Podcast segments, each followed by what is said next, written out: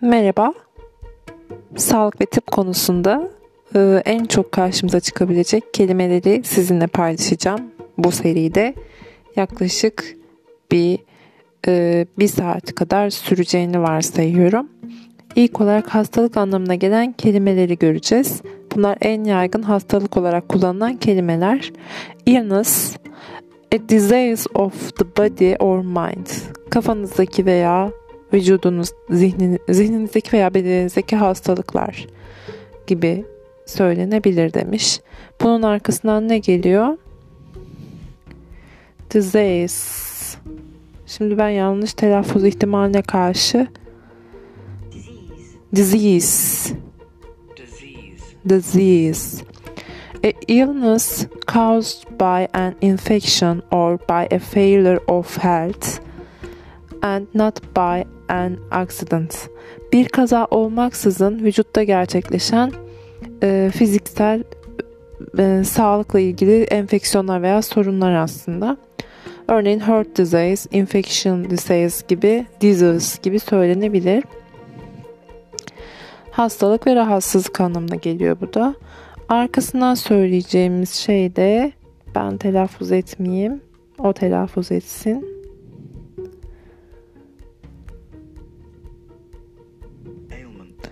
Ailment, ailment and illness diye söylenmiş. Evet, bir sonraki hastalık anlamına gelen. İnfirmity. İnfirmity.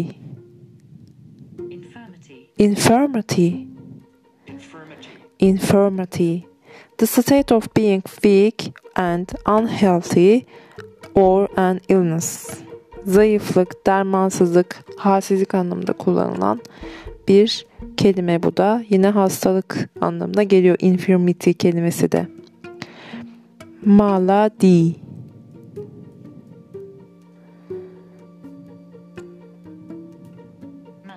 Malady.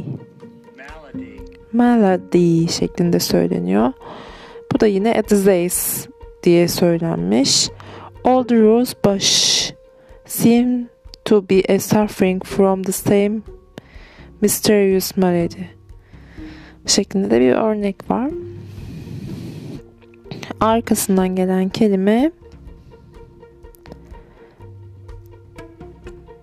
sickness. Nasıl söylüyor bakalım. Sickness ben gibi söyledi. The condition of being ill. Hastalığın başlaması gibi söylenmiş. Aynı zamanda da isim olarak kullanabiliyormuş. Vomiting demişler. Yani çıkartma, istifra etme anlamında da kullanılabiliyormuş.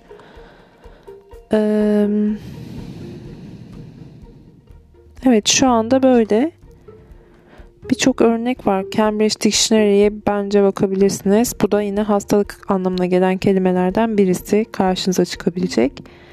Infection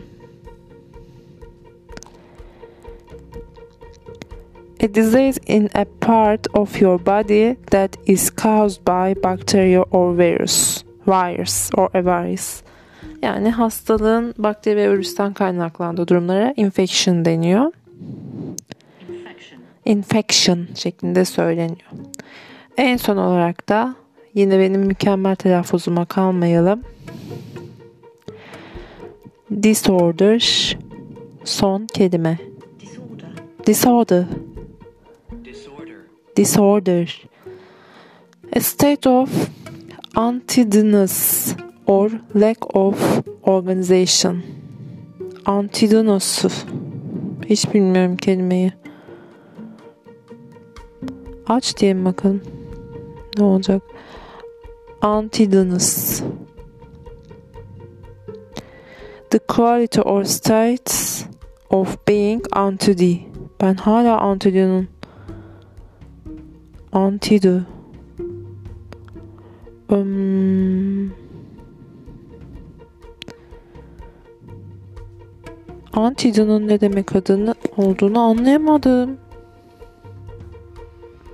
Benim böyle şeylerim var şu an bu ne kadar safça bir kız falan diyor olabilirsiniz ama beraber siz de bana deyin ki yani salak kızmış bunu bilemedi.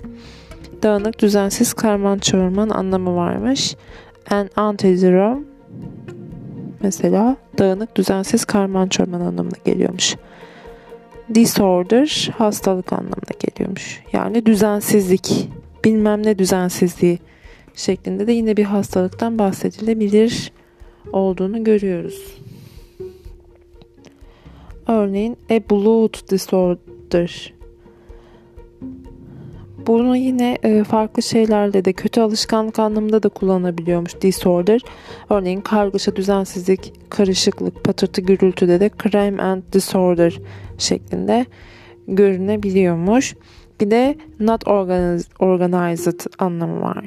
Yani karmaşıklık, dağınıklık. His financial affairs are in complete disorder. Evet bu şekilde hastalık anlamına gelen kelimeleri görmüş olduk.